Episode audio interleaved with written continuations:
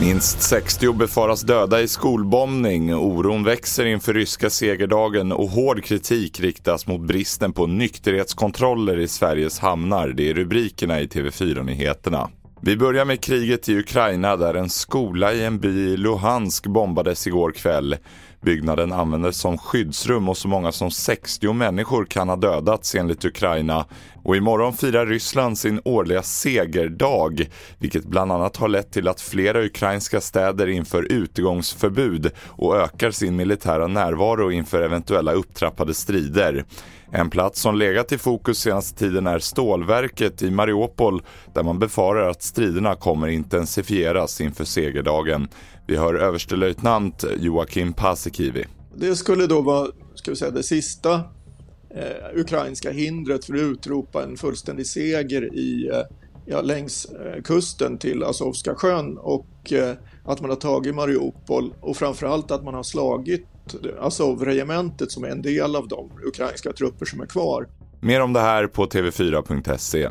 Sverige nu, trots politiska beslut och avsatta pengar för att införa nykterhetskontroller i Sveriges hamnar, har endast en automatiserad nykterhetsanläggning tagits i drift i hela landet. En anläggning som dessutom varit ur bruk i två år. Caroline Drabe är VD för Riksförbundet M Sverige. Det är under all kritik.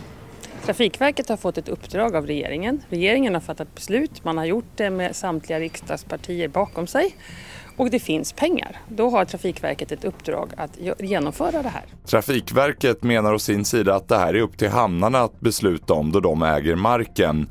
Lennart Kalander är nationell planeringschef. Problemet är ju att eh, den typ av våldsanvändning, eh, att ha bommar och det innebär att eh, man behöver ha ett avtal med hamnen om att det är okej okay att göra den här typen av kontroller. Slutligen något helt annat, för små förändringar i vad vi äter kan ge stora klimatvinster enligt ny forskning.